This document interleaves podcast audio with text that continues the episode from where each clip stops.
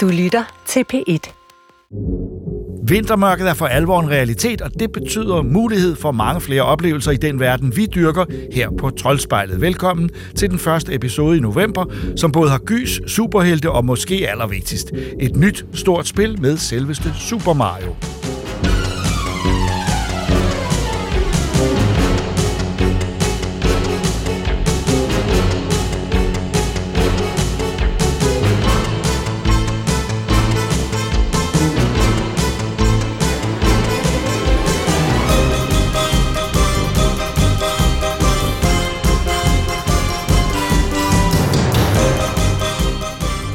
Og det er til med Mario, som han var, da vi lærte ham at kende for mange år siden, altså i et ægte, traditionelt platformspil, den genre han blev født i, og som han var med til at forme. Super Mario Bros. Wonder hedder spillet, og det er instrueret af Takashi Tezuka, som har været med helt fra 1985, hvor han var instruktørassistent for Shigeru Miyamoto på den oprindelige klassiker. Troels og Christoffer har prøvet det nye, gammeldags Super Mario. Hey, there's someone back there.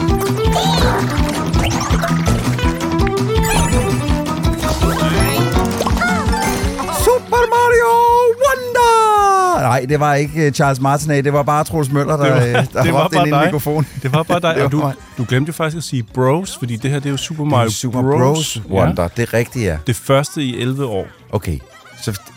Super Mario Bros. Wonder! Meget Det var bedre. ikke Charles Martinet igen, det var bare Troels Møller, der sidder bagved. Og hvorfor var det ikke Charles Martinet? Det er fordi, der er kommet et nyt Super Mario-spil, hvor Charles Martinet ikke lægger stemme Ja. til Super Mario for første gang i mange, mange, mange år. Ja, jeg tror, øh, jeg mener, okay, nu ligger jeg hovedet på blokken her, ikke? og folk må save mig midt over, hvis det ikke passer, men ja. mange siger jo, at Mario 64 var hans første stemme. Ja, det tror jeg også, det var. Men der var vist noget med sådan educational Mario-spil med noget regneværk, som kom lige før. Det var der, plus at han stod ude på diverse, øhm, øh, diverse cons, øh, Ah. og, og, og øh, var Mario Ja. i, i, i, et stykke tid før det også. Men det er i hvert fald den periode. Lad er den sådan. periode, ja. Det er den periode, hvor han begynder at lægge stemme til Mario, ja. hvor. Mario skal begynde at kunne snakke. Og hvordan lyder det? Jamen, det lyder jo selvfølgelig som Charles. Wahoo! Ja. Ja. Men han er gået på pension. Han er simpelthen gået på pension, ja. Han er også en ældre her. Vi har jo faktisk mødt ham allerede, da vi mødte ham for...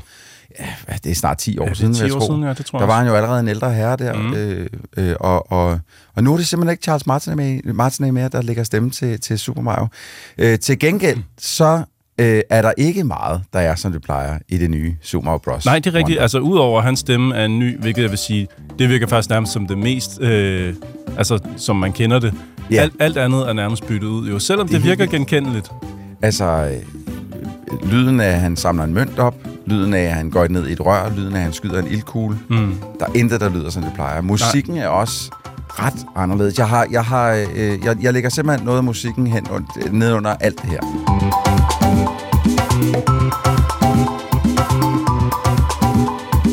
Kraft af, at Koji Kondo har jo overset al produktionen af den her. Jeg tror simpelthen ikke på, at det er ham, der har skrevet det meste af musikken. Det, jeg synes Nej. ikke, det lyder som ham. Nej, sikkert ikke, nej. Øhm, men han har overset øh, al produktionen af musikken, øh, som simpelthen er fremragende. Ja. Så, så øh, man vil kunne høre små bidder af musikken igennem hele den her anmeldelse, fordi Ja. jeg synes, det er så dejligt.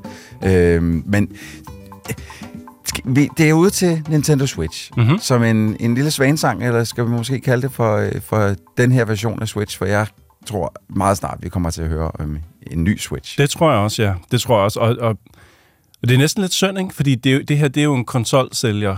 Det her spil er så godt. Altså, hvis det her var kommet... Ikke fordi de havde brug for at sælge flere Nej, Switches, nej. de har solgt mange konsoller, Ja. men hvis det her var kommet tidligt i dens liv, hold da fast, mand. Ja, men det, det, det er helt vildt. Øh, for vi har at gøre med, hvis du spørger mig, øh, det bedste det bedste 2D Mario, hvis man kan kalde det, det er jo 2,5D, men det bedste 2D Mario siden Super Mario World. At det, det er der omkring i hvert fald, Og jeg ja. tror ikke, jeg har spillet et bedre Super Mario-spil siden Super Mario Galaxy til Wii.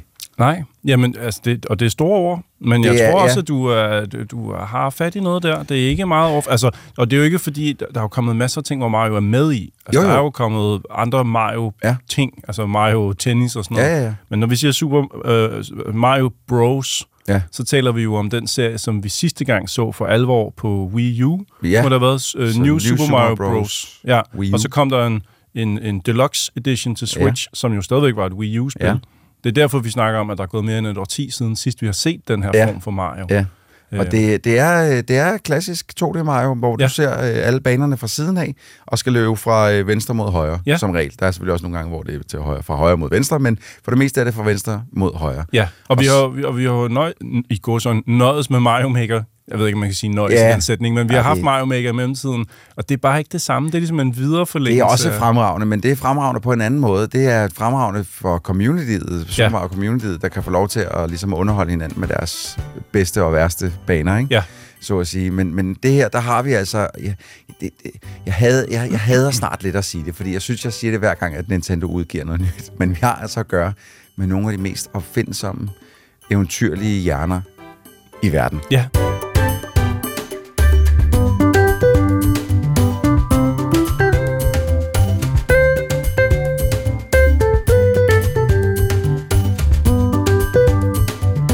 Det har jeg også tænkt på, når jeg har siddet og spillet, så har jeg tænkt, at man, der findes mange platformer i alle mulige afskygninger, Ja. og de er, altså, der findes rigtig mange gode platformer. Men når der så kommer et spil af den her kvalitet, så er det som om, man har taget alle de mest kreative, dygtigste Ja. platformspiludviklere i verden, og så givet dem en masse tid. Ja. Og sagt, okay, prøv lige at ryste posen, Hvad er det hold bedste, I det, kan? ja, hold det traditionelt, men ryst posen. Ja. Hvad har I til os? Ja.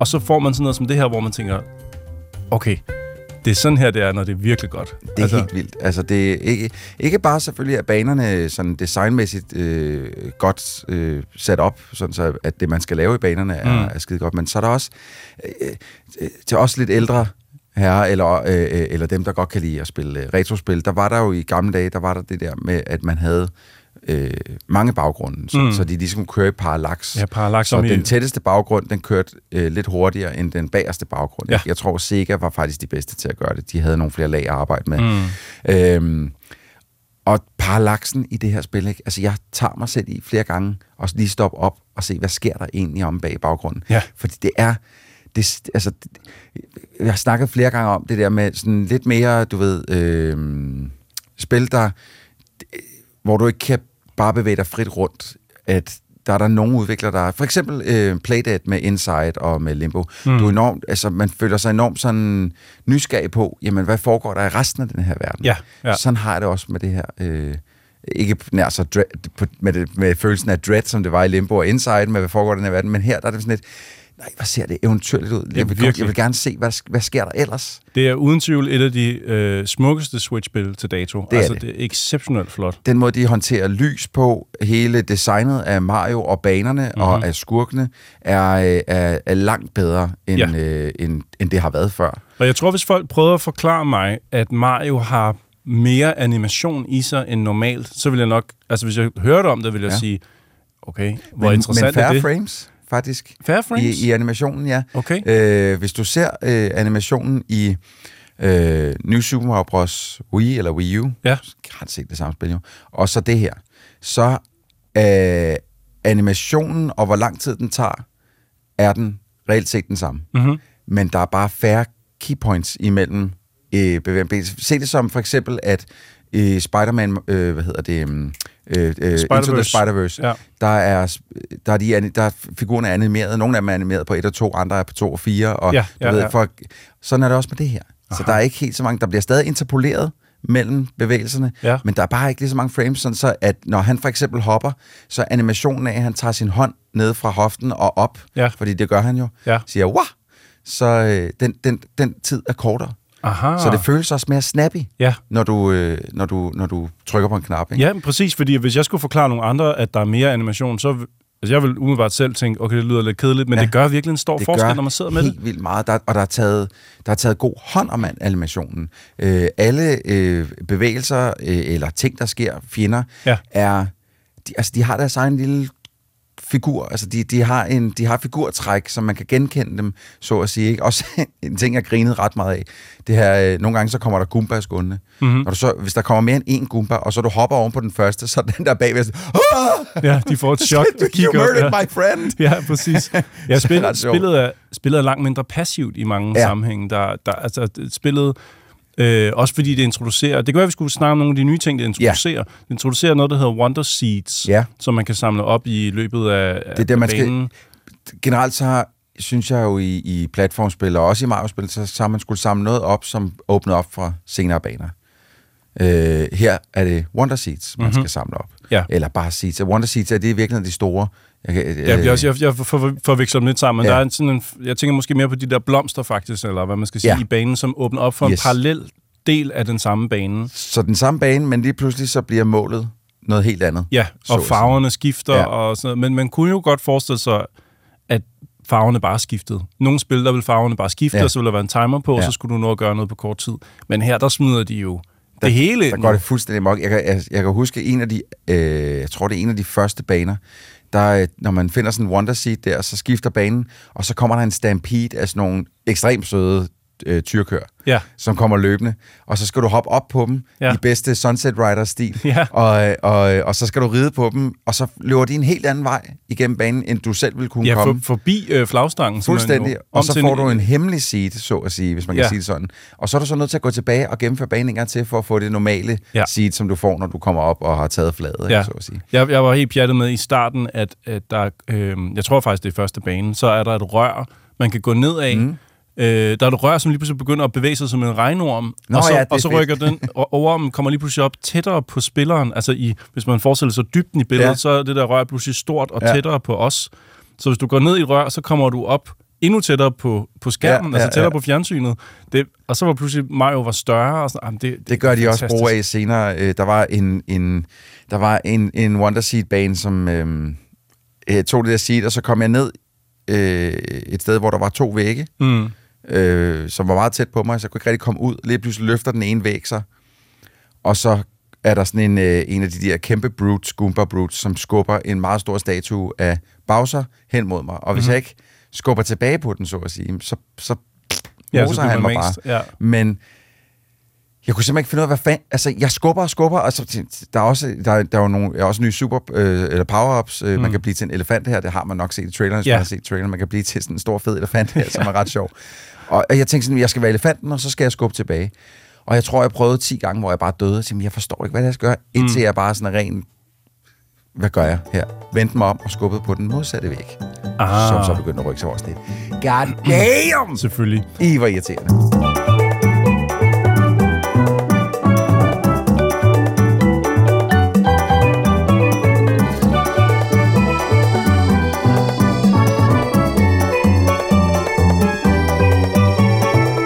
Jeg, jeg oplevede meget tidligt, at der var et, øh, et rør, Ja. øh, som, altså der var mange rør, en hel bane, hvor man hoppede rundt og passerede en masse rør, men der var et sted, hvor jeg ikke kunne nå op.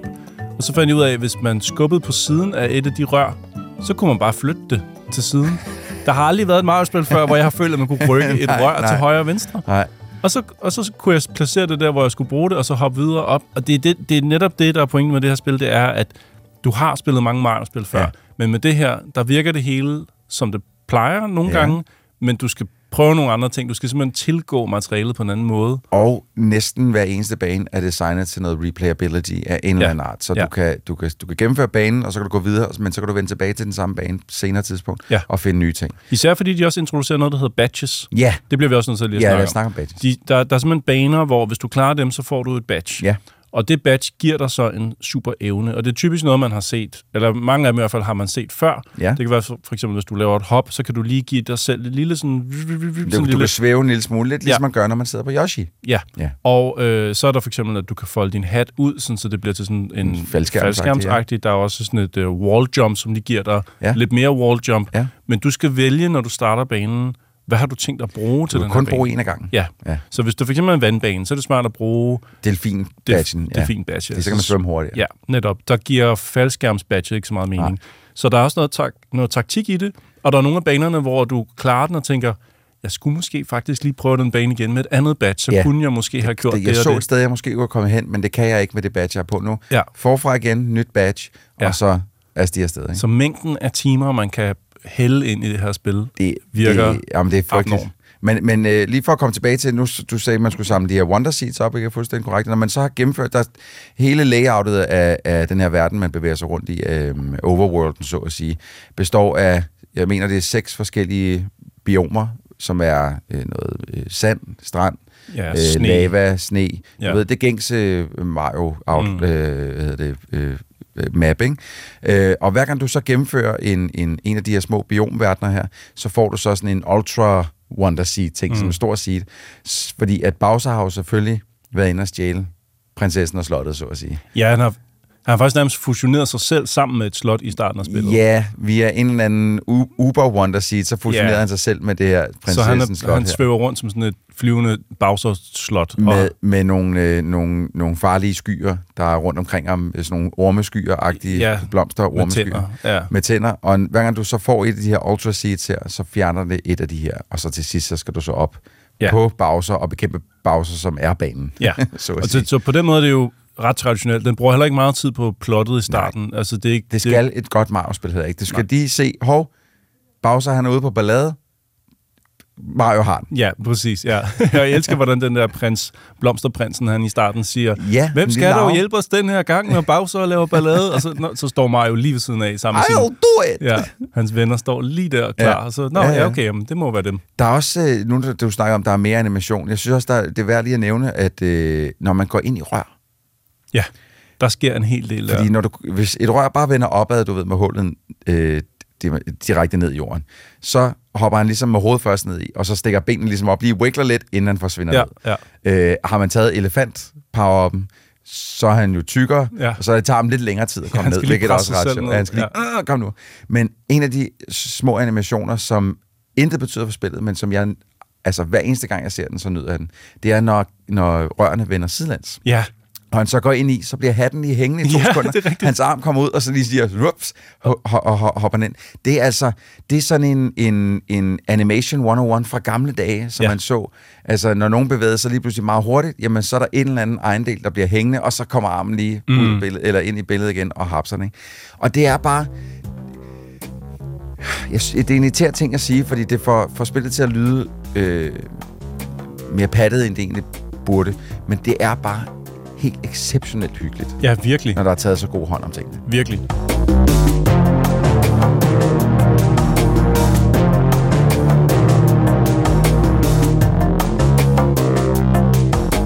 Jeg føler, at det her spil er en absolut no-brainer, hvis man har en Switch. Det, sk- man skal have det. Altså, og det er lige før, det er endnu en på bunken af dem, hvor at nu er der en god grund til at købe en Switch. og det lyder mærkeligt at sige, fordi, som du også selv siger, det her er nok efterårets, vinteren, for, altså, Altså, jeg tror, jeg, jeg, jeg tror ikke, at vi skal meget mere øh, end 3-4 måneder ind i næste år, før så øh, sidder vi enten med en Switch 2 mm. Mm. i hånden, eller er tæt på. Hvilket jo kan virke mærkeligt, fordi de altså, putter sådan en perle ud som den her. Mhm. Mm-hmm. De har stadig Mario RPG rundt om hjørnet. De har et Peach-spil også op i Ja. ærmet. Øhm, så må ikke også, at den næste maskine kan spille de her spil. Det vil virke helt tosset, ved, at, at de giver os noget så godt som det her. Jeg, jeg, synes, jeg synes, jeg kunne huske, at jeg har læst artikler, hvor Nintendo selv henter til, at den kommer til at være bagudkompatibel. Det må en den anden næsten. Måde. Men vi skal, bare ikke, vi skal bare lige ikke glemme, at Nintendo er lidt tosset på den her front, og kan aldrig rigtig finde ud af at gøre det på en måde, som er fed for end-useren. Så, så om den er bagudkompatibel med cartridges, eller den er bagudkompatibel med, "Nå, men så skal du downloade din spil igen, øh, og så koster det penge og sådan noget. Det, det Ja. er ikke til at sige. Vi må se. Jeg vil godt give dig ret i, at øh, man ved aldrig, hvor man har en Nintendo henne, men det er også noget det, der, der gør, Det gør det spændende, ikke? friske og dejlige. Og det her er et spil, hvor man, man ved, hvad man går ind til, men man bliver også Du får meget overrasket. mere. Ja. Man, det, man, man ved, hvad man får, men man får meget mere, end man tror. Altså, det er, jeg har, det er det spil, jeg har, øh, jeg har spillet mest ud over Spider-Man 2 i år. Ja. Øh, jeg har simpelthen hygget mig så meget med det. Ja. Og jeg er gået tilbage i, i, den- i så, den samme bane igen og igen, fordi jeg har kunnet se, der er et plateau deroppe, jeg på en eller anden måde skal op mm-hmm. på, Mhm. hvordan delen kommer derop. Og det har også nogle ret øh, fede øh, difficulty spikes, at nogle gange Ja. så kommer der lige et lille spike, hvor oh, der var et eller andet, der var meget sværere Ja. end resten af. Det er aldrig så svært, at man ikke kan klare det, men når man er, du ved, nogle gange så kører man lige lidt på autopilot, fordi mm. at sådan lidt, Nå, nu skal jeg lige hoppe her, jeg skal lige, da, da, da, da, da, vi er vant til at spille Mario, og jeg kan det hele. Ja.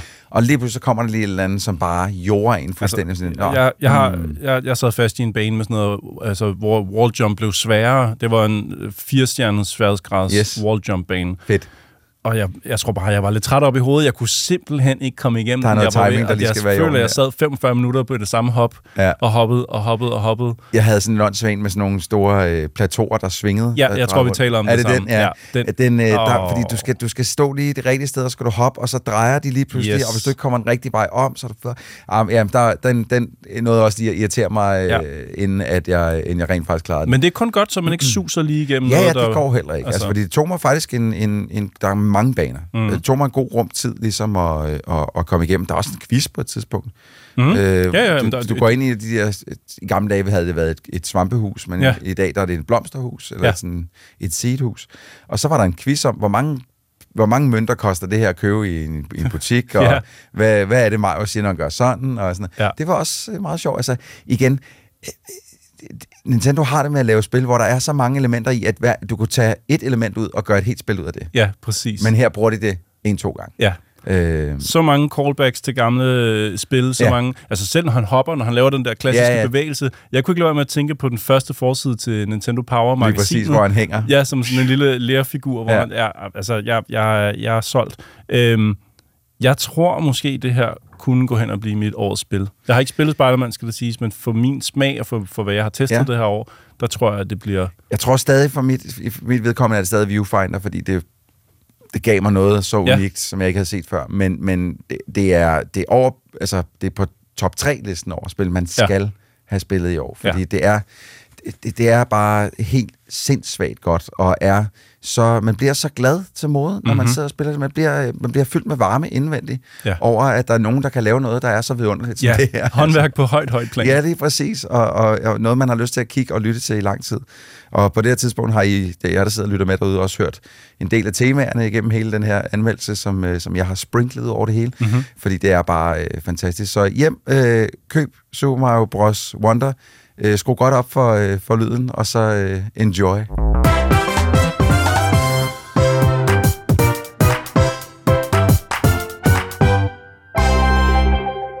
R.L. Stein er netop fyldt 80 år, men han har ikke sat tempoet ned og skriver stadig løs på sine Goosebumps-bøger. I Danmark kendt og elsket som Gåsehud. Der er faktisk kommet 240 titler i serien, som tilsammen er trykt i ca. 400 millioner eksemplarer. Stein er blevet kaldt børnene Stephen King, og det er selvfølgelig rigtigt, at han mest har skrevet for børn, der godt kunne lide et godt gys. Goosebumps blev til tv-serie allerede i 1995, den gik her på DR, og siden i flere spillefilm. Nu har en ny Goosebumps-serie haft premiere på Netflix. Regitza og jeg er begyndt at se den. Have we met? Nathan Brad, I'm the new English teacher. You live near here? Yeah. The old Biddle House. The Biddle House. I did hear the horrible story about the boy who used to live there. You know, I hear it's haunted. Have you seen anything strange happening there? Say cheese!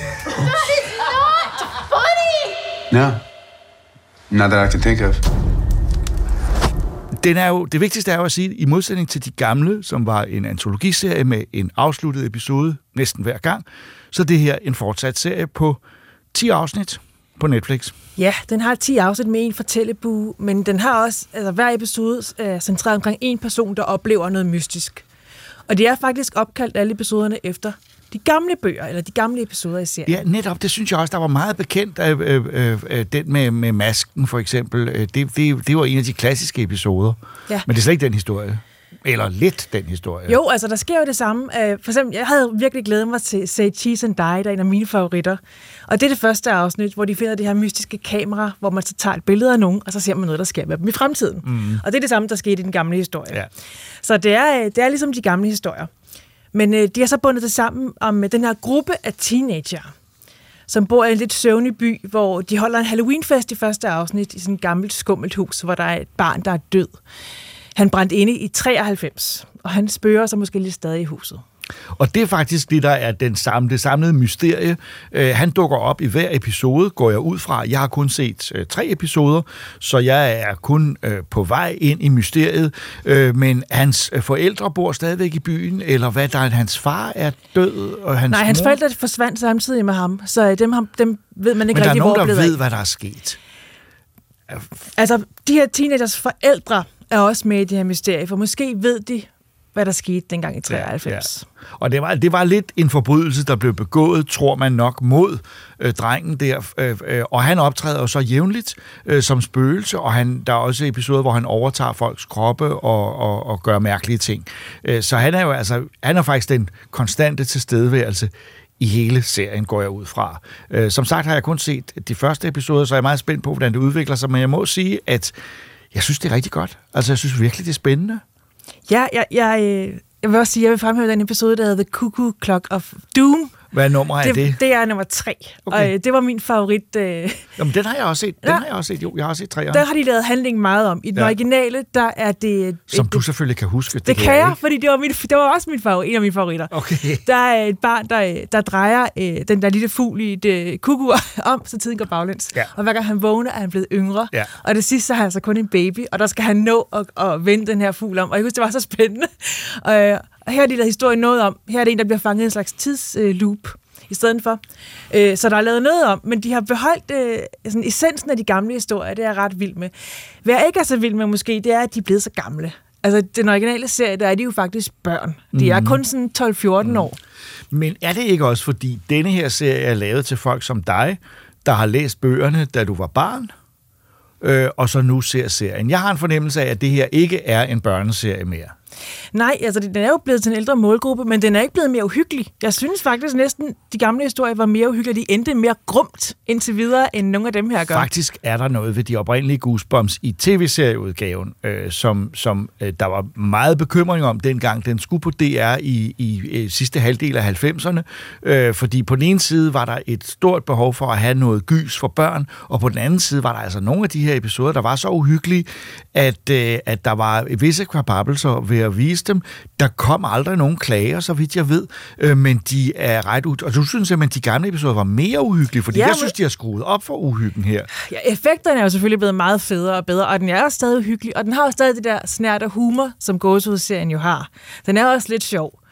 Jeg, jeg, jeg tror også, det er fordi, de skal jo forestille at være i high school, sådan 16-17 år, men de er tydeligvis ældre. Jeg tror, alle skuespillerne er midt i 20'erne, og det generer mig lidt. Jeg synes, de ser for gamle ud. Ja, altså det lagde, det lagde jeg slet ikke mærke til, fordi jeg forbandt ikke noget med deres alder. De var bare unge, øh, men, men det er jo rigtigt. Og det er jo lidt et problem tit, at man laver øh, serier og film, og det har sådan har det jo altid været, hvor teenager bliver spillet af, af halvvoksne Ja. 20-årige. Sådan var det også i Beverly Hills, der var det jo også og, og, noget og, og, og det må man altså bare leve med. Det gør jo så også, at de faktisk, det vil jeg så sige, de spiller rigtig godt alle sammen. Ja. Øh, Der er ikke noget awkward over det, og der er faktisk nogle reelt øh, små, meget skræmmende scener, øh, som jeg så ikke kunne huske fra tv-serien, fordi jeg ikke kunne huske, hvad der skete i den. Og du har sikkert set episoderne oftere, og øh, dengang, de kommer også på video, så man kunne se dem mange gange. Jamen, den er, den er virkelig velfungerende, den her nye udgave. Der er især den episode, der hedder Go Eat Worms, som øh, både er uhyggelig, men også har noget følelsesmæssigt dybde, hvor jeg faktisk blev virkelig rørt til Ja. ja. sidst i afsnittet. Så altså, det, den, kan, den, er, den er helt sikkert god og vellykket, og effekterne er flotte. Jeg kan rigtig godt lide det der med, at du kan godt se en, og så er det et mysterie, der er i den, men den har samtidig den her fortællebue, så du også gerne vil vide, hvad der sker med hele det her samlede mysterie, den her dreng, der brændte ind i 93, og hvad det er, hvad der skete dengang, og, og hvad forældrene har med det at gøre. Jeg synes måske også, der bliver brugt lidt meget tid på forældrene. Nogle gange så, så er der, der er sådan en helt lang historie, men to af forældrene, der har en affære med hinanden. Det passer ikke rigtigt. Jeg ved ikke om jeg synes, det passer ind i Det historien. ville ikke have passet til det gamle Goosebumps, skulle man sige men det er måske der, hvor de prøver at, at ligesom gøre den øh, øh, vedkommende for, for andre end, end, end børn. For det var en børneserie dengang, og bør, bøgerne var let læste, og når man hører, at Stein har skrevet flere hundrede, så er det jo også, fordi det er hurtigt skrevet bøger. Øh, ikke at jeg tror, jeg vil kunne skrive så hurtigt selv, eller det er virkelig voldsomt, hvad han har præsteret. Og man har også mistænkt, at Stein har haft medarbejdere på til at skrive, men, men myten er, at han har, han har siddet ved sin skrivemaskine og lavet det alt sammen. Nicholas Stoller og, øhm, og Robert, Rob Letterman har øh, udviklet den her serie, og det synes jeg, de har gjort rigtig godt. Jeg synes, jeg kan mærke, at de er gamle Goosebumps-fans, Helt sikkert. som har vil lave den nye udgave, uden at give slip på, på, de, på de gamle ting. Og det er også virkelig, det fungerer rigtig godt, og jeg skal også helt sikkert se den færdig, fordi jeg jeg er grebet af mysteriet. Helt klart. Øhm, men jeg synes lige, man skal gøre sig selv den tjeneste at gå ind og se uh, Say Cheese and Die på YouTube, som er den gamle episode. Jeg tror, det er nummer 15 i sæson 1. Så der ligger nogle episoder Og på der er YouTube. det nemlig Ryan Go- det er Ryan Gosling, der er hovedpersonen. Og jeg synes som er ret sjovt ja. som 14-årig. Ja, men der er jo ikke tvivl om, at den gamle Goosebumps-serie har været øh, øh, en, øh, øh, et sted, hvor helt unge skuespillere fik en chance for at vise, hvad de kunne. Øh, og det er jo godt i sig selv. Han er ikke med i denne her udgave. Ikke indtil videre, nej. Jeg har set det har seks der, Det har afsnit. der næppe været råd til. Måske vil han få en cameo på et tidspunkt. Men altså, Goosebumps, den nye udgave, ligger på Disney+, Plus, øh, og øh, indtil videre har vi været meget glade for den. Øh, både dig, øh, Regitze, som gammel gåsehus-fan. Ja, jeg vil ønske, de havde... Jeg synes, introen er super kedelig. Ja, den er både, ikke spændende både nok. visuelt og, og, og musikken. Og jeg elskede den gamle. Jeg kan stadig se den for mig. Manden, der kommer gående, Errol Stein med sin kuffert, hvor alle historierne blæser ud over byen, og hunden med dæmonøjne og sådan noget, og så musikken. Og de har ikke taget, jeg havde håbet, de måske lige havde brugt musikken en lille smule, men det ja. har de ikke. Men vil du være så, at den grund synes jeg, vi skal lige spille det oprindelige Goosebumps-tema her, øh, mens vi øh, alligevel anbefaler den nye udgave. Ja.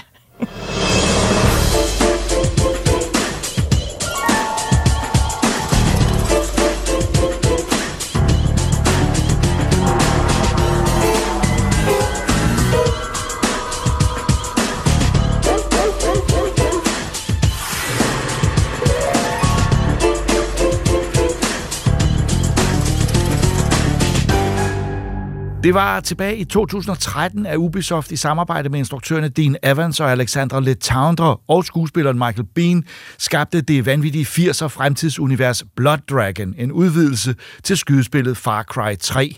Siden da har Blood Dragon-historierne infiltreret andre spil, som for eksempel Trials motorcykelspillene, og på en eller anden måde er der nu så havnet en Blood Dragon-serie på Netflix, hvor Ubisoft til synlædende har givet skaberne helt frie tøjler til at gøre, hvad de har lyst til med alle deres figurer, altså alle Ubisofts figurer. Det er blevet til Captain Laserhawk, A Blood Dragon Remix. You know what the worst part of living in a fascist dystopian hellscape is? the shit they put on TV. Let's do this.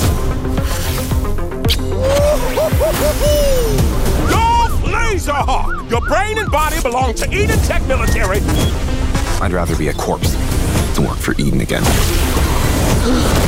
Barbecued pork. Mwah.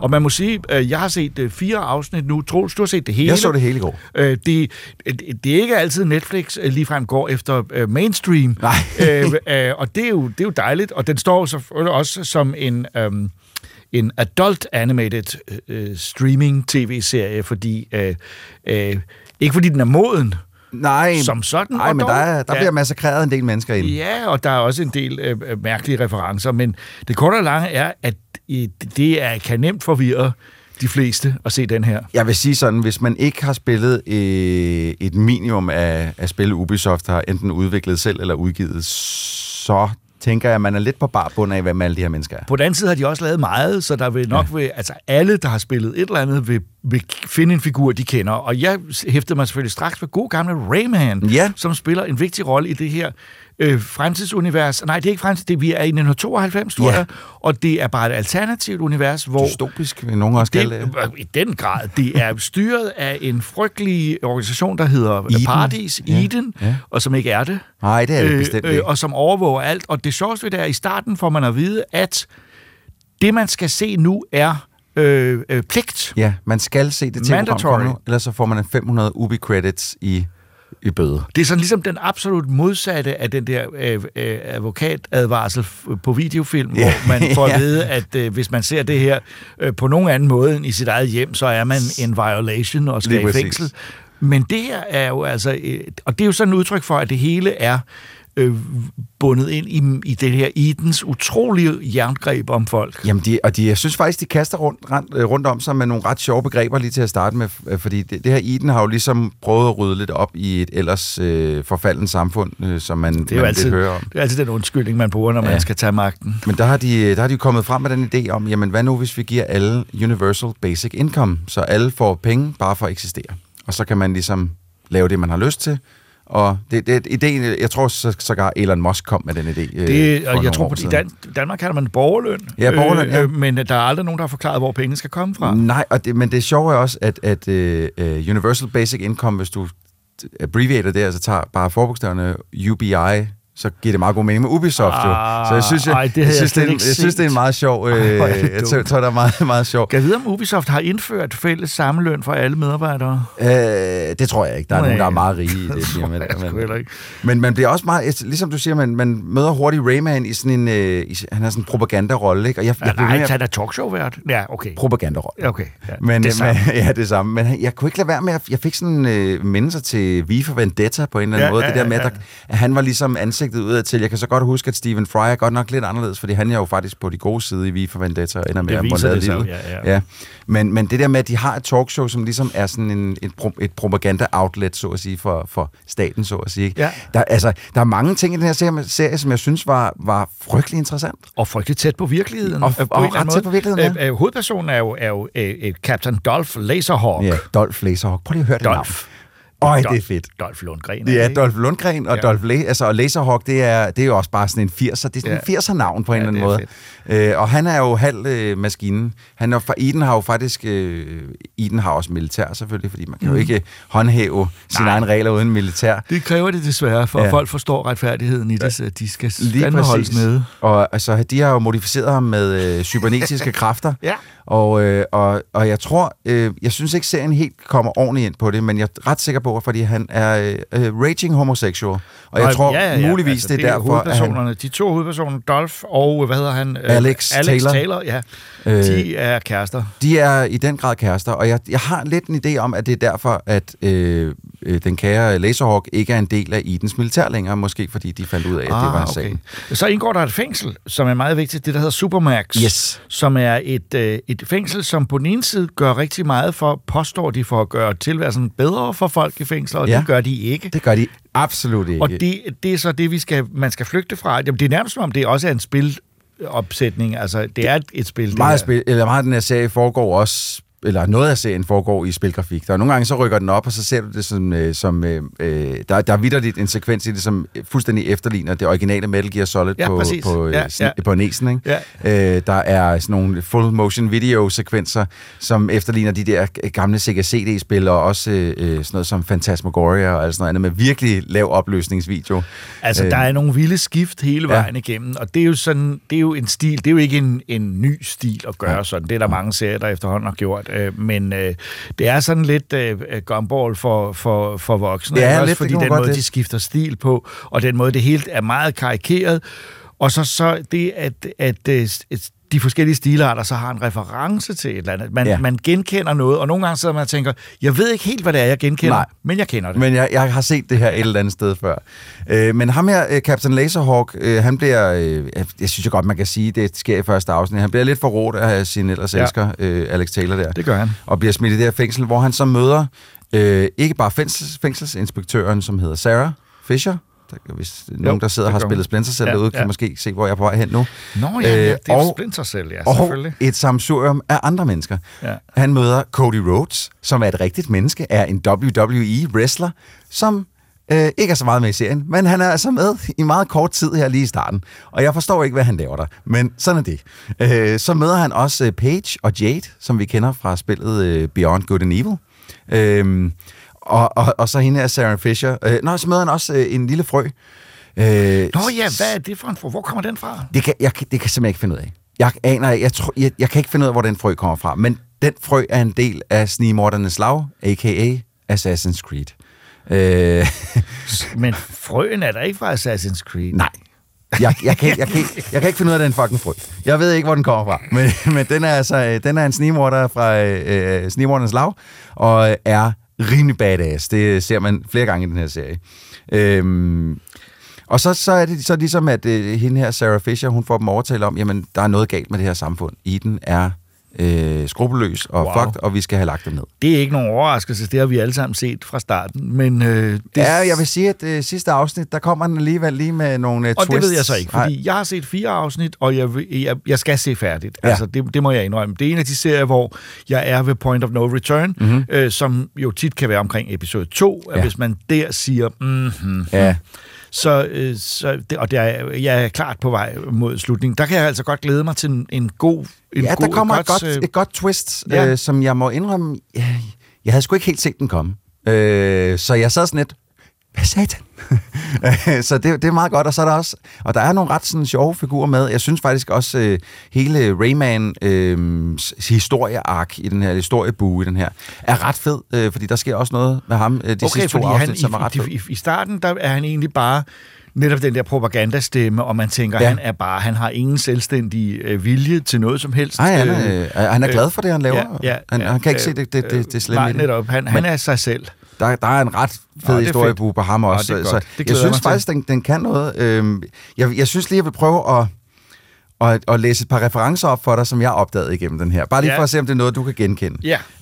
Øh, du, du møder i afsnit 2, møder du Pagan Men. Øh, Pagan Men, ved du, om det er? Det siger mig noget, men... Det, øh, det, det er hovedskurken i Far Cry 4. Det er Far Cry 4, Ja, det lige præcis. Ja. Øh, så bliver den her lille specialgruppe, som Sarah Fisher hun samler, bliver, øh, kalder hun for Ghosts. Det er jo Splinter Cell. Ja, selvfølgelig. så har vi øh, en, øh, på et tidspunkt, så åbner de en portal ind til et andet univers, hvor at sådan nogle som Rayman og dem kommer fra. Der kommer nogle kæmpe kaijuer ud af, som de også kalder kaijuer. Ved du, hvad de kaijuer er? Nej. Det er The Raving Rabbits i kæmpe størrelse, og så ligner de bare sådan nogle zombier. det synes jeg også var meget sjovt. Og det er jo netop, altså det er jo der, hvor den, hvor den krydser over til nogle universer, man slet ikke havde regnet med at se. Og på den anden side, hvis Rayman er der, så kan uh, Det er jo det, som Raving Rabbits jo nærmest ja, også være ja. der, ikke? Øhm, i det, hvis man har spillet Far Cry Blood Dragon, Far Cry 3 Blood Dragon, så ved man, at det var øh, kunstneren Power Glove, der lavede al musikken til det spil, som var intet mindre end fremragende. Jeg har hørt det soundtrack til døde, og jeg har hørt alt, hvad Power Glove har lavet siden da, fordi jeg blev kæmpe fan af ham. Jeg hørte det, og han laver sådan noget neon synth-agtige 80'er øh, med, med, på en synthesizer, ikke?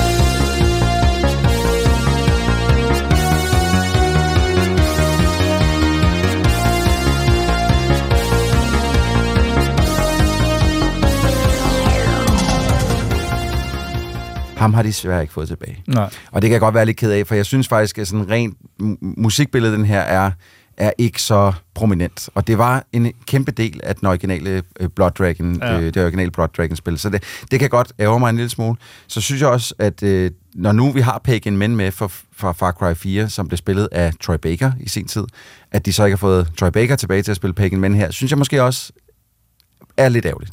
Altså, Øhm, man kan sige, jeg synes, de har gjort et stort stykke arbejde, men, men, der, men, men man kan sige, det er jo også en lille sag, denne her. Den skal virkelig, at den har fået en vis opbakning, men... Øh, Jeg synes, den er flot nok, og der, jeg synes, der er budget nok bagved den til, at de godt kunne have... Fordi det, altså, alle de her referencer, der er i den her, jeg synes jo, det er den ultimative fanservice-serie af, af fans af de Ja, her spil. ja. Og derfor så, så synes jeg også, det havde været passende, at de lige gik den ekstra længde for Ja. at få de rigtige stemme. Altså, det er heller ikke Michael- Ironside, der lægger stemme til, Nej, det til er det Sam ikke. Og- Fisher. og det og det, er- det synes jeg også måske er, er lidt Ja, ærgerligt. ja. Men, men når, lad nu det være det. Ja. Øh, det, det, er, det er bare små ærgelser fra min side. af. Jeg har hele vejen igennem faktisk været enormt tilfreds med den her serie. Der er vidderligt en scene, Jacob, hvor serien bliver lavet om til en dating simulator. Jeg ved ikke, om du nogensinde har set de spil, mm-hmm. som er sådan nogle 2D, og hvor man så skal prøve at, at flytte med hinanden i det. Mm-hmm. Og der, der er en, en scene med, med Jade, hvor hun skal prøve at flytte med en, uh, en security guard, som simpelthen er så åndssvagt, for det kan hun slet ikke finde ud af. Uh, men men jeg, har- jeg, har- jeg har faktisk jeg har, hygget, jeg hyggede mig rigtig meget med den i går, og igen, jeg så den på en aften. De var 20 minutter afsnit. Ja, ja, ja. Øh, så det er ikke sådan en serie, hvor man, man indlægger sig til... Og jeg kunne godt, jeg har, jeg har set øh, to afsnit øh, over to aften, øh, Ja. hver om, over to aftener, og, og øh, skal se de sidste to i aften. Men øh, jeg vil sige det på den måde, øh, jeg synes også godt, det virker som en serie, man godt kan se som en feature nærmest. Sagtens. Altså ud i et, øh, og så er det overstået, og, og så er det, det ikke mere end den vits, det er. Nej, nej. Det, det, det, den, det, den gør, gør den fint. Ja. Og den prøver ikke at gøre alt muligt andet. Øh, Den har øh, øh, selvfølgelig, lægger den lidt op til en sæson 2 øh, øh, til allersidst.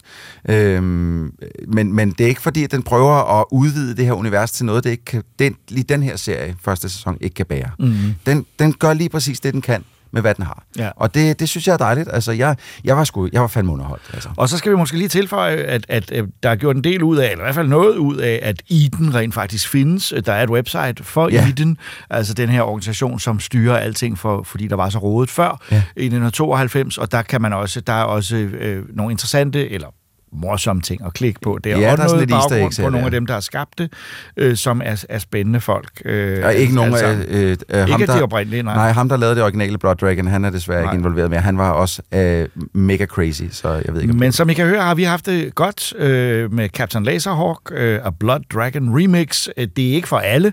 Nej. Øh, øh, det er ikke mainstream for hele familien, men øh, øh, det er klart en anbefaling fra vores side. Det synes jeg. Især hvis man har kender til alle de her universer. Can I put some music? Shut up. Okay. Den amerikanske forfatter Thomas Ligotti udmærker sig i weird-litteraturen og er ofte blevet sammenlignet med både H.P. Lovecraft og Franz Kafka. Han har været aktiv i over 30 år, men har aldrig været udgivet på dansk før nu. Forlaget Candor har nemlig netop udgivet Teatro Grotesco, som er fra 2006 og indeholder 13 foruroligende noveller.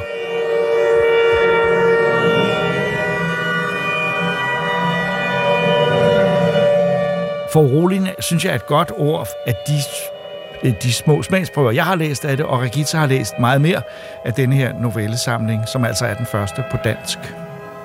Ja, han har ikke været udgivet før, og han er også meget speciel. Jeg har Altså, ikke læst noget lignende, tror jeg. Nu, nu skre- sagde jeg weird-litteraturen, og det var egentlig for lige at understrege det, at det, den genre, han blandt andet gør sig i, men altså, jeg tror også, man bare kalder ham horrorforfatter øh, indimellem, øh, men weird er sådan der, hvor det går et skridt videre i... Ja, og jeg synes næsten, den er mere weird, end den er, den er uhyggelig, den her. Ja. Altså, den er, den er selvfølgelig sådan... Den er ildevarsende og uhyggelig, og den er, det er et mærkelig stemning, der er i alle de her noveller. Men den er mere mærkelig. Jeg synes ikke, jeg bliver rigtig skræmt i nogle af dem. Nej. Men til gengæld så bliver man forundret. Øh, De. Ja. to noveller, jeg læste, fordi jeg lige kiggede i den, og det dejlige ved novellesamlinger er, at man kan jo tage sig et par smagsprøver, inden man binder an med det næste. Det er, at det er kryptisk, og så er det det der ord foruroligende er faktisk, altså, det, man, bliver, øh, øh, det, man bliver ikke bekvem med at læse det. Det er ikke sådan noget, man hygger sig med, fordi der sker nogle ting, som øh, man ikke forstår, og så langsomt forstår man dem måske alligevel. Så er der nogle pointer, øh, og der er nogle, nogle, øh, nogle filosofiske aspekter, Ja. og, og så noget tid og sted, noget, men man ved ikke, hvor man er, og helt, hvad der sker med personerne. Det, det, er det er utrygt. Den er nemlig meget filosofisk, og jeg har også læst, at øh, Ligotti er antinatalist. Det, det var ikke noget, jeg har hørt før. Nå, ved du ikke, hvad det er? uh, jeg ved ikke, hvad det er. Hvad er det? Det er, når man simpelthen synes, at fødsel er et overgreb på mennesket, at mennesket slet ikke burde blive født. Fordi livet er en lang lidelse, og døden er uundgåelig. Altså med andre ord, en mand med godt humør og øh, et ja, lyst syn på tilværelsen. Super mundret. Han er født i 1953, og har altså når man har Lovecraft og Kafka som forbilleder, jeg tror også, han nævner øh, folk som, øh, som Burroughs og, og, og Edgar Allan Poe, øh, øh, men han, han, med Lovecraft, der er det nok især de der foruroligende ja. øh, øh, øh, huse og steder, hvor man bare ikke rigtig ved, om der lurer noget. Lovecraft har jo meget monstre, der lurer rent faktisk. Ja. men, men han er god til at sætte stemningen for en. Det synes jeg også, han er. Øh, men jeg synes også, at de to noveller, jeg læste, øh, øh, var, var, var så fyldt med mærkeligheder, at jeg, at jeg indimellem blev øh, smidt lidt af sporet. Det må jeg indrømme. Det, det vil jeg faktisk godt give det ret i. Jeg synes, det er svært at leve sig helt ind i det, fordi man også nogle gange tænker, hvad er det, der sker, og det er bare underligt, det her. Og ja, den første novelle, der hedder Renhed, den kunne jeg egentlig meget godt lide. Det handler om en lille dreng, hvis far eksperimenterer vildt nede i sin kælder, og Ja. ingen ved rigtigt, hvad han laver. Nej. Øhm, og så får han besøg af en ung religiøs mand, der godt vil, der vil have et, øh, donation til sin kirke. Ja, og han er gået lige i fælden der. Ja. Fordi faren mener, at øh, Gud øh, er en illusion, og at han kan suge det ud af hovedet på ham. Ja, han er simpelthen han vil fjerne ja. Ja. de religiøse tanker fra denne her øh, øh, lidt stakkels øh, fyr, der kommer ind ja. Og, vil, og vil missionere. Øh, I det hele taget er det en, en, en, et, også en historie om øh, en far, der dominerer en familie, øh, også til at efterleve nogle principper, at han vil bo til leje, at han vil ikke eje ting, Nej. øh, fordi det er noget med, at det skal man ikke. Det er også en illusion, tror jeg, at eje Ja, til. ja. Og Og, så- moren og søsteren tager også afsted på nogle mærkelige Ja, ture, ja. og man ikke rigtig ved, hvad der foregår. Netop. Altså, det Ej, hele er det gør virkelig underligt. Ja, og, og, og, og vi skal selvfølgelig ikke spoile slutningen på denne novelle, men der kommer et princip ind der til sidst, Ja. øh, som, som ja, det, det, det synes jeg egentlig var meget godt, øh, men man kan sige, og som du kan høre, Og som I kan høre, så er vi jo optaget af det. Altså, selvom Ja. ja. vi er, lidt, øh, er også lidt irriteret Jamen, over, at det han er, er på lidt den en måde. blanding. Man er fascineret, men også sådan lidt frastødt. Jeg ved ikke. Øh, jeg var også ret vild med dem, der handlede om arbejdspladser. Der er en del, der handler om, omkring, ja. omkring hvor meningsløst arbejde er også tit. Der er en, der hedder øh, Vores midlertidige opsynsmand og Mit forsvar for gengældelse. De handler begge to om, om hvor hovedpersonen øh, er i et job, hvor man tænker, virker ligegyldigt, det han laver. Øh, og det sidste så, øh, men de bliver så grebet at lave det her job, at øh, i den ene, der, der er han der så hele tiden lige pludselig, fordi så tager man dårligt, man behøver engang tage hjem, man kan bare sove på fabrikken, man er. Ja. Øh, og den anden, der er der også en medarbejder, der er forsvundet, og det er lidt mystisk, hvad der er sket med ham. Øh, og, og han får nogle mærkelige historier at vide.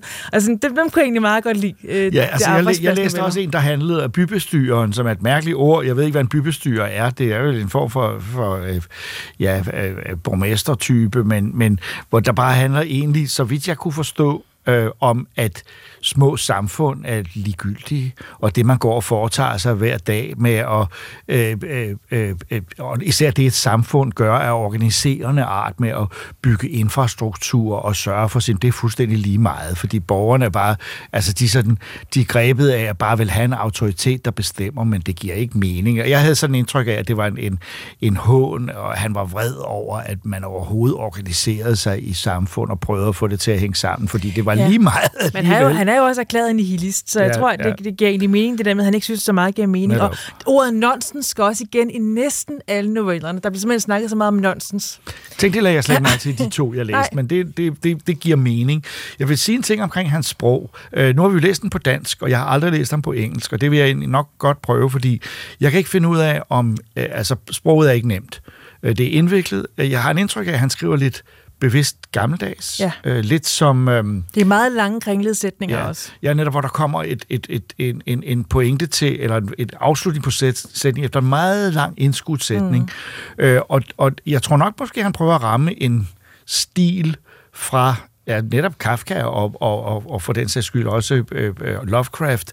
Øh, men indimellem er, øh, var der også ting, som jeg synes var så kringlet, at det var næsten uforståeligt, hvad det betød. Og om det så er meningen, jeg skal læse det meget langsomt, eller om jeg måske er lidt smådum, det ved jeg ikke. Nej, jeg havde samme fornemmelse. Man skal ikke, øh, du, skal, du skal ikke tænke på andet, mens du læser den. Du skal Nej. ligesom koncentrere dig, fordi Ja. ellers så bliver man altså hurtigt smidt af. Men jeg er nødt til at have en væsentlig kritik øh, af et sted i den, jeg læste om bybestyren, fordi der indgår en sporvogn, som kører frem og tilbage på hovedgaden, og som, øh, som øh, spiller en væsentlig rolle i historien som symbol på, på det der organiserede samfund, øh, som han altså mener er er lige meget. Men øh, øh, der, der, øh, manden, der kører sporvognen, bliver beskrevet som en øh, sporvognsfører, og der ved enhver jo med forstand på sporvogne, at det hedder en vognstyrer. Sigurd ikke, husk, jeg er den vigtigste, for jeg er vognens fører. Ja, vognens fører, jo. Men det er noget andet. Men det er også forkert. Det hedder en vognstyre. Man kan blive uddannet til det stadigvæk øh, på Sporvejsmuseet, og det hedder at være vognstyre. Det er jeg ret sikker på. Øh, Men, øh, men det, skal vi sige, det er ikke en kritik, der på nogen måde kan, kan plette hele udgivelsen. Det er ikke det, der skal afholde en for at købe den, Nej, synes jeg. og, og, og jeg vil sige, det er en prisværdig udgivelse. Det er vigtigt at få sådan en forfatter udgivet på dansk, men det er ikke en bog, der er let tilgængelig, og det, det er i hvert fald ikke noget, man bliver øh, opmuntret af. Det er det ikke, og jeg synes generelt, at alle personerne i den her bog er sådan lidt smådeprimerede, og der bliver også talt meget om medicin. De, de har brug for medicin for at klare sig, og de, der bliver nævnt selvmord mange gange og sådan noget. Men jeg har også læst forfatteren, han har en lidelse, der hedder, han er anti-hedonist, tror jeg det hedder. Han kan ikke mærke nydelse. Han kan ikke mærke glæde og nydelse. Nej. Og det kan man godt mærke i den her bog. Men så er det vel At meget, det er så, så livstræt og, og trist det hele. så er det vel meget logisk, at den eneste måde at opleve den, på, den her bog på, er ved ikke at få den, at man nyder den. Ja, man skal ikke nyde den. Så vi vil anbefale, at I ikke nyder den her bog, hvilket ikke nødvendigvis er det samme som ikke at læse den. Så det er sådan en ambivalent anbefaling af Thomas Ligottis Ja. første bog på dansk. Det er både godt og skidt, synes jeg. Jeg vil sige, John Kent har jo illustreret Åh oh, ja, det skal lige nævnes. Øh, og det er næsten noget af det bedste. Og det er jo lige, som han plejer at illustrere. Og det passer simpelthen så godt til novellerne. Faktisk er, vil jeg sige, det, det, det løfter mange ja. Af tingene, fordi der pludselig bliver noget visuelt omkring det. Og det virker helt klart, som om John Kent, øh, som jo er øh, en monster, uhygge og øh, mand på alle måder, øh, virkelig forstår, hvad der foregår her. Det synes jeg, det gør. Og jeg er ked af, at de ikke har sat en af hans tegninger på forsiden. Nå, det har de ikke. Nej, det er lidt kedelig forsiden, ikke? Og den er sådan lidt... Øh, lidt Men den passer øh, også godt til bogen, fordi den er bare mørk og dyster. Ja. Mørk og dyster. Jeg ved ikke, hvad vi skal sige. Det er som sagt en ambivalent anbefaling, men en prisværdig udgivelse i hvert fald, fordi den slags forfattere skal jo ikke... Øh, altså, dem skal man jo vide findes, og, og også på dansk.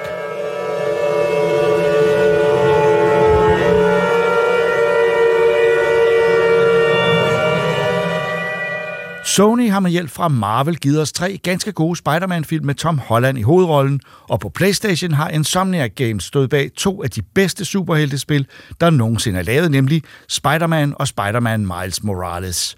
Forventningerne har derfor forståeligt nok været enorme til efterfølgeren med det passende navn Spider-Man 2. Og det er Troels netop blevet færdig med. The city's being torn apart. I don't know if I'm strong enough to save it it takes to protect the people I love?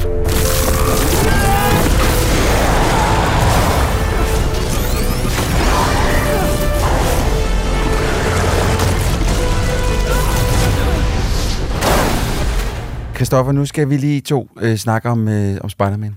Ja. Jeg ved, du har jo ikke spillet toeren, vel? Jeg har spillet det, man kalder etteren, og jeg har Ja. spillet Miles Morales. Yes. Ikke spillet det her Du nu. har ikke spillet toeren endnu. Jeg ser rigtig meget på nettet florere øh, omkring det her spil.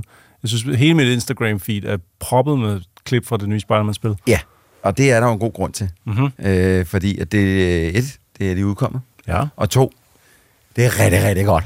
Ja, okay, det er godt. godt. Jamen, det havde jeg også håbet på, fordi jeg, jeg, kan, jeg kan mærke lidt, at, at for eksempel med Miles Morales, ikke? jeg var Mhm. rigtig glad for det. Ja. Jeg synes, det var ærgerligt, at det var sådan et øh, spil, der viklede, det vippede mellem PS4 og PS5.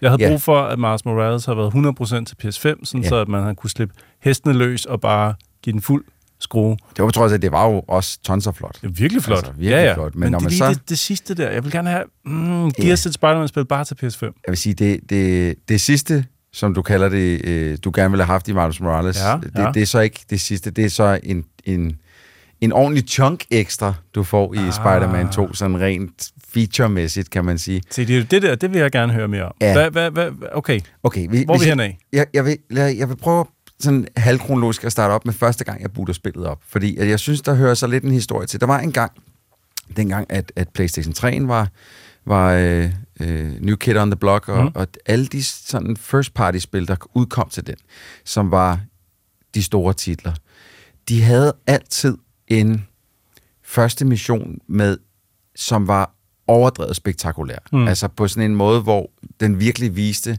ikke bare, hvad spillet gerne ville, men også, hvad maskinen ligesom kunne. Ikke? Altså det der med, at nu havde vi gang i en PlayStation 3, altså det første Ratchet and Clank, øh, åh, jeg kan aldrig huske, hvad de, der, øh, hvad de, de øh, first-person shooter-spil, øh, der kom ud. Der kom tre af dem. Nå, Er det... men det var rumvæsener, man kæmpede mod der. Er det uh, Resistance? Re- Resistance, ja. Alle de første missioner Mhm. mm-hmm. i alle de her spil, og mange flere, de var altid sådan nogle overdrevet spektakulære nogen. Mhm. Mm-hmm. Så bare lige for at vise, hvad maskinen egentlig kunne, og Ja. hvad, hvad udviklerne kunne med den her maskine, og så også bare lige for at få sat gang i det hele. Så har der ligesom været en, et lod af den der oplevelse, der, hvor, hvor spillene starter lidt stille, mere stille og roligt op, har ikke haft den der fuldstændig hjernedøde intro-sekvens, mm-hmm. hvor man bare sidder og... Enter Spider- Spider-Man 2 Ja. hvor at du vidderligt er op og kæmpe mod Sandman øh, som det første, og som har gjort sig lige så, lige så høj som den højeste bygning i New York. Altså, jeg hører dig sige Sandman. Ja. Og så tænker jeg partikler. Jeg tænker sandkorn, jeg tænker øh, lyddesign, jeg tænker... Ja. Hvor, hvor, hvor langt tager de den? Øh, de tager den hele vejen. Hele vejen? Ja, ja. Man får altså, hele pakken? Du, du får både sandpartikler, du får en, en, en hulens masse alfa smoke, som, eller det hedder bare smoke, Ja. røg, ikke? Men, Ja. men i alfa-effekter. Og, og, og der er sand over det hele på alle gaderne, og han står og bevæger sig øh, som sådan en stor... og så er der Altså, sandpartikler kæmpe- i luften. Ikke? Så, så det er Spider-Man mod et, et øh, Så det er Spider-Man og Spider-Man, fordi Miles Morales og Peter Parker ah, samarbejder jo. Ja, ja, ja, selvfølgelig. Det er jo det, selvfølgelig. der også er lidt sjovt, hvad det hedder Spider-Man 2. Det, Ja. ja. man, fordi det, det, det er nærmest en palindrom, ikke? Jamen, jeg to Spider-Man. Jeg har godt set Ja. viden på coveret, at der er to Spider-Man. Og dem kan du skifte med dynamisk. Yes. Men, den, men, men lige for at af, øh, afslutte den scene, de, de, man kan virkelig se en Insomniac spiller med musklerne her, fordi nu har de en, det kommer kun ud på Next Gen, det vil sige kun på PlayStation 5. Mhm. Og hvad har vi på PlayStation 5 som PlayStation 4? Vi har mere CPU-kraft, vi har mere øh, GPU-kraft, Mhm. og så har vi en harddisk, der er drønhurtig. Ja. Så hvad gør vi? Mm, et, vi gør byen dobbelt så stor, som den var før. Nu har vi så også øh, Queens og Jersey med, tror jeg det er, Okay. øh, som, som bydel, Ja. du kan flyve rundt i, skulle jeg til at sige, svinge dig rundt i. Og så er der på et tidspunkt i den her kamp, hvor at Sandman, han hugger Miles Morales en på siden af hovedet. Mhm. Så han bare flyver uff, væk. Alt sammen real time. Der er ikke nogen FMV-videoer. Ah, så ikke så, den- vidt jeg ved i hvert fald. Så den loader simpelthen det hele så, så, hurtigt. så du ser hele turen, der, hvor han bare flyver gennem hele Manhattan. Ned igennem. Okay. Lige for at skudt noget web ud, som han bliver fanget i. Ja. Og så launcher han sig selv, sådan, øh, du ved, øh, øh, slingshot, slingshotter ja. tilbage, hvor den så skal load helt lortet tilbage igen, men den kører bare flawless. Ej, hvor lyder det godt. Det er så fedt. Det lyder som en af de der spiloplevelser, hvor jeg vil have svært ved at pege på et andet spil, som leverer den type sug i maven. Ja. Altså, men det det vil- er der spil, der har gjort før. Ja. Men, men på deres, altså, på deres egen respektive måde. Jo, hvor, jo, jo. Hvor, øh, og, altså, øh, jeg kan huske, jeg mener, det var Resistance 3, havde også en psykopat intro, man sådan lidt, hvordan kan det her lade sig gøre? Det ser Mm. for sindssygt ud. Mm. Men det er bare, der, det, de spil ser man bare ikke så, man, jeg synes bare ikke, man ser den intro så ofte længere, Nej. med den der helt gigantiske slutning, der viser alt, hvad udviklerne har tænkt sig at gøre Ja. de næste 20 timer, du skal spille nærmest. Ikke? Men altså, en af de ting, jeg scrollede forbi på Instagram fra ja. Det nye Spider-Man-spil, det er også, at der kommer nogle huller i tid og sted, eller sådan noget, som man nærmest, ligesom Ratchet Clank Ja. i, i det nye Spider-Man-spil, forsvinder igennem portaler og Ja, sådan noget. det- Det ser Det, vildt ud. det kan man sige, ikke at det er fjollet eller noget, men det er sådan en sjov lille sidemission, hvor man, Okay. øh, man jagter, øh, jeg vil ikke sige for meget, men jagter en rundt, som mm. har stjålet noget, der kan lave portaler. Okay, fordi som jeg så det, så var der pludselig altså, selvfølgelig Manhattan, og ja. Ja. så var der noget is og sne, ja. Ja. og så var der, altså det, det så til at skifte så hurtigt. Ja, det men var, der har de selvfølgelig gjort brug af, hvad de havde. Det er også Insomniac, der laver øh, Ratchet Clank, så der har de selvfølgelig gjort brug af samme teknologi der. Ja. Ja. Så du kan rejse fra Manhattan direkte til Antarktis på, Ja. et, på altså et, et snap, ikke? Det er lige det her, jeg har gået og ventet på, at, at den her generation af konsoller skulle spille med musklerne på den her måde. Ja. Jeg, jeg peger på det her spil og siger, det her, det har jeg ventet på. Og, og du kan, lige meget om du vælger 60 billeder i sekundet moden, eller du vælger 30 billeder i sekundet moden, eller hvis du har et 120 Hz fjernsyn, hvilket jeg ved, du har, som jeg også har, Ja. så kan du også vælge 40 billeder i sekundet moden, Okay. som er rigtig godt. Ja. Fordi så får du altså en del bedre framerate end 30, men ikke helt lige så god som 60, men noget, der føles som sådan en god mellemvej. Og øh, det, det du have. påvirker måske også raytracing, altså lyset i spillet, eller hvad? Jamen, der er kun raytracing. Ah. Du kan slet ikke spille uden raytracing. Okay, fantastisk. Selv på performance mode er der raytracing. Det er ikke så meget lys, som det er øhm, refleksioner. Okay. Fordi du er igen i en stor by med kæmpe bygninger med vinduer, Mm. og alle vinduerne er raytraced. Okay. Det ser mega fedt ud. Altså, det er helt vildt fedt. Og så synes jeg også, vi har fået øhm, en rigtig fed historie, fordi at, at øh, onde tunger vil sige, at det første Spider-Man ikke var særlig godt. Sådan rent på historien Mm. var det ikke specielt godt. Det var mere teknisk. det var mere bare et teknisk powerhouse, Ja, ja, hvor jeg vil sige, jeg synes nu, historien var fin, men jeg kan godt, jeg kan godt se, at Peter Parker måske ikke ændrer sig så meget fra spillet starter til spillet slutter. Mm. Han er stadig bare Spider-Man. Sådan Ja, er det. ja. Hvor Miles Morales har en historiebue, en, en, en udviklingsbue, så at Mm. sige, fra, fra starten af spillet til slutningen af spillet. Der sker ham en del flere ting, ikke?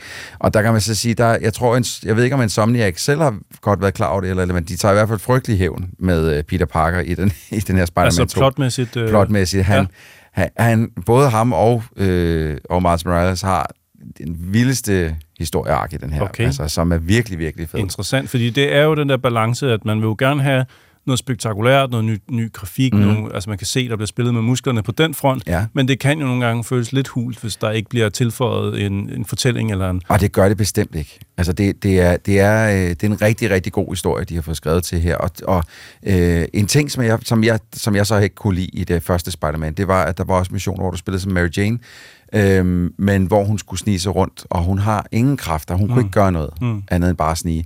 Og det, jeg har altid følt lidt sådan nogle var fyldt missioner, når det ikke er det, resten af spillet går Ja, det, på. nogle gange kan det handle om næsten at sænke tempoet i spillets Ja. øh, fart, ikke? Ja. Sådan, så man ikke blæser lige Og igennem. de var heller ikke særlig fede her, og, og, og jeg synes også lidt, det udstiller øh, Mary Jane som værende en, der ikke kan klare sig selv -agtig. Altså mm. hun bliver ad, adskillige gange reddet af Spider-Man i det første.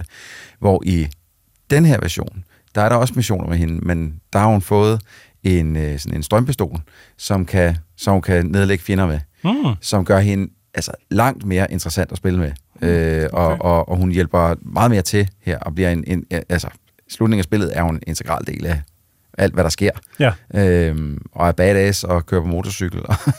altså, der er gang i hende, ikke? Fedt. Så, så altså virkelig... ah, Det, var, det, var et, det er et af de der spil, når man først har bootet det op, jamen så stopper du ikke med at spille. Mm. Før at altså, du enten er så træt, at du er nødt til at gå i seng, eller du er ved at være færdig. Okay. Fordi at det, det er virkelig fedt. Og så, jeg tror, øh, nej, jeg siger heller ikke for meget. Jeg skulle lige huske, hvad der var med i trailerne. Venom er jo med. Mm. Øh, symbioten Ja. er med. Og der har jeg jo set Venom øh, 1 og Venom 2-filmene. Øh, Venom kan ikke noget. Han er død, han er Det- færdig, han er gone, væk med ham.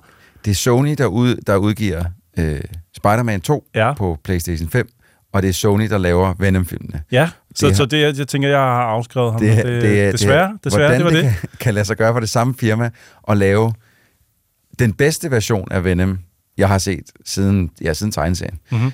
Øh, og også have de to værste versioner på biograflageret af Venom, jeg nogensinde har set. det er ret imponerende klaret, synes jeg. Gudskelov, at du siger, at han, øh, at han retfærdiggør sig selv her. Super fedt. Det er jo et PG-13-spil, så der, du bliver nødt til at acceptere, at øh, han bider hovedet af nogle folk på et tidspunkt, Mm. men der, der er ikke noget blod. Nej, okay. Sådan er det jo. Okay. Men, øh, men han er mega svedig. Han er jo en af mine yndlingsskurke, altså all-time favorite, ja. i den oprindelige form, kan man sige. Men, men jeg vil godt nok, altså de, de nyere, nyere film har, har, har skadet mig for, for livet, tror jeg, fordi ja. altså, de har virkelig sådan sat et, øh, et, et hak i regnskabet, men det lyder som om, han er tilbage igen nu. Også fordi han, han er bare ond. Ja, fedt. Han er bare et dumt svin, som smadrer alt. Han er anarki.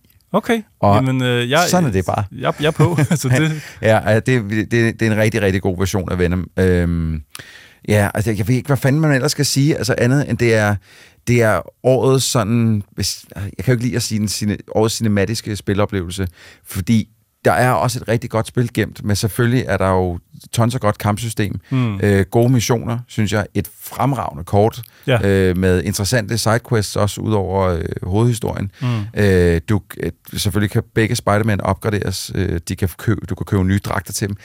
Det, jeg ved ikke, hvad det har været, men sådan har det også været med de første to Spider-Man-spil. Jeg samler kun point sammen, så jeg kan få alle dragterne. Ja. For der er så mange fede dragter, og især Miles Morales dragter. Han, der er altså et par åndssvagt fede dragter imellem, mm. hvor han har kappe og alt muligt, og sådan der, som ser skide godt ud, når du svinger dig igennem byen. Hov! Jeg glemte også lige at sige, på grund af den hurtigere hard drive der, Ja.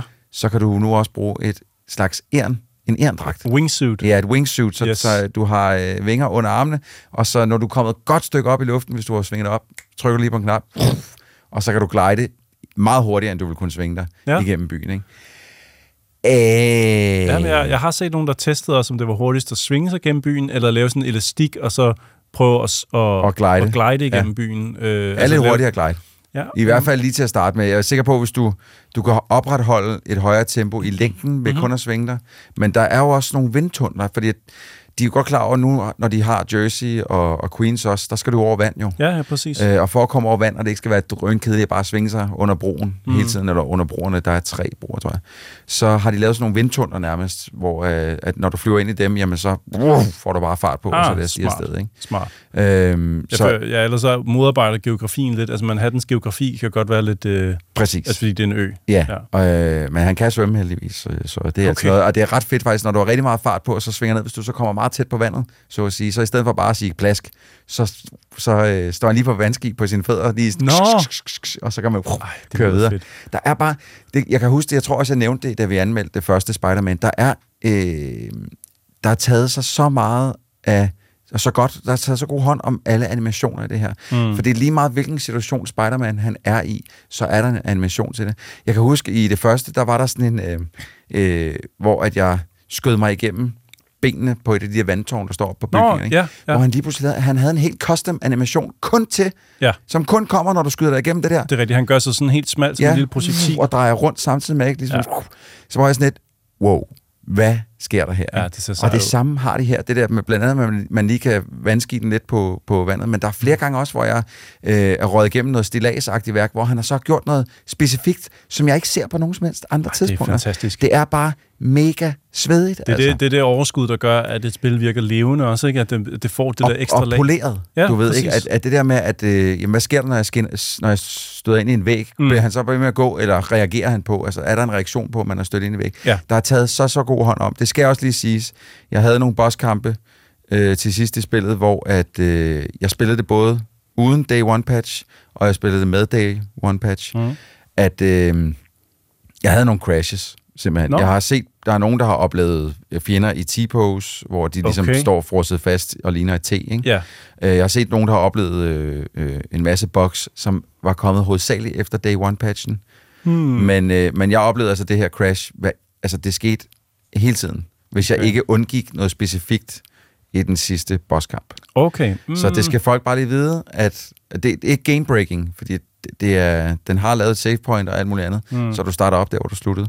Men man skal bare lige vide, at den, medmindre det er blevet patchet ud, hvilket jeg ikke har set, det er blevet endnu, Mm. så, øh, så kan der være lidt problemer i en af Okay. de sidste boss fights. Okay, men det lyder også lidt som noget, der kan fikses hen ad vejen. Det er bare ærgerligt selvfølgelig, at man i starten skal leve med det, men det lyder lidt som noget, der kan rettes op på Ja. øh, med en opdatering. Ja, okay. det, det tror jeg bestemt. Jeg ved ikke, hvorfor... hvorfor jeg, kan ikke, jeg kan ikke finde ud af, hvorfor den uh, crasher. Hmm. En sidste ting, jeg vil nævne, det er, at nu har vi snakket om Venom, som på mange måder er hovedskurken her, men der er en anden skurk også. Hmm. Craven. Åh, oh, er Craven med i det her? Craven er med. Spændende. Og han, han er faktisk den første halvdel af spillet nærmest. Jeg elsker Så Det Craven. er ham. Og han, efter at, have- efter at have set deres version af Craven, jeg gider ikke se den film, der kommer nu. Nå, fordi, øh, okay. at han Okay. er så bladet i det spil her. Ja. Og jeg kan bare se, at jeg kan godt lide hvad Aaron Taylor, der skal, jeg kan godt lide ham som skuespiller. Det er ham, der skal spille Craven i filmen, men han er ikke noget nær Gruff nok. Altså, mm. han er ikke han er bare ikke stor og sej nok. Mm-mm. Den måde, Craven i spillet er bare, han er så ligeglad med alting. Fedt. Øh, rigtig, rigtig, rigtig fed skurk også, og super fed kamp mod ham, når man, øh, når man kommer op mod ham øh, Ja. flere gange i spillet faktisk. Alle kampene mod ham er fede.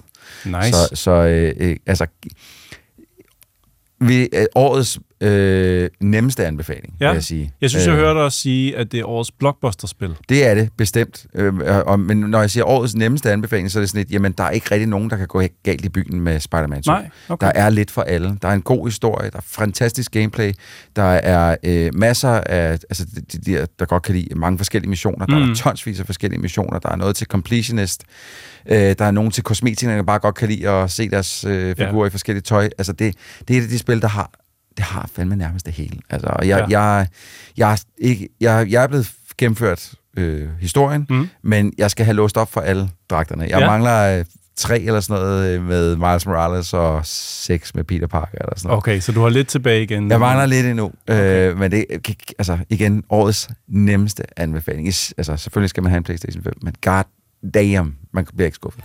Spider-Man. Og med denne anmeldelse sluttede Troldspejlet podcast, men inden vi slutter helt, vil jeg lige gøre opmærksom på et dansk tegneseriealbum, som jeg lige har læst, og som jeg bestemt vil anbefale. Det er ikke en stor prætentiøs serie, det er ikke en graphic novel, det er ikke en serie specielt for børn eller med et særligt budskab. Det er simpelthen en dansk actionserie, lavet af tegneren Henriette Vest, og det er faktisk øh, den 8. det 8. album i den serie, hun har lavet, der hedder Dorteas overlevelser. Hendes held er en actionheldinde, der hedder Dortea, og hun tegner faktisk i en meget flot international streg. Og øh, det nye, øh, det nye album hedder Blodets bånd, øh, og det foregår i Rom, hvor hvor helt øh, skal hjælpe en veninde, der er blevet taget til fange af en hemmelig sekt.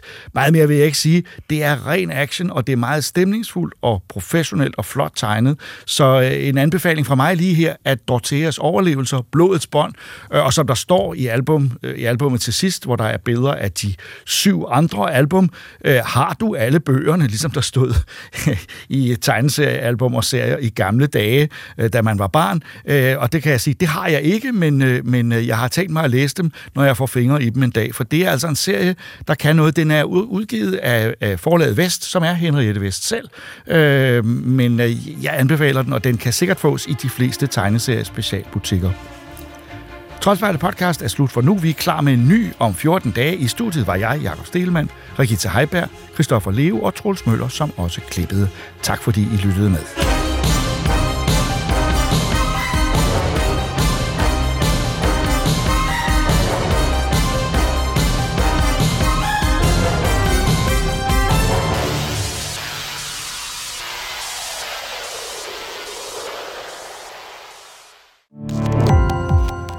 Gå på opdagelse i alle DR's podcast og radioprogrammer. I appen DR Lyd.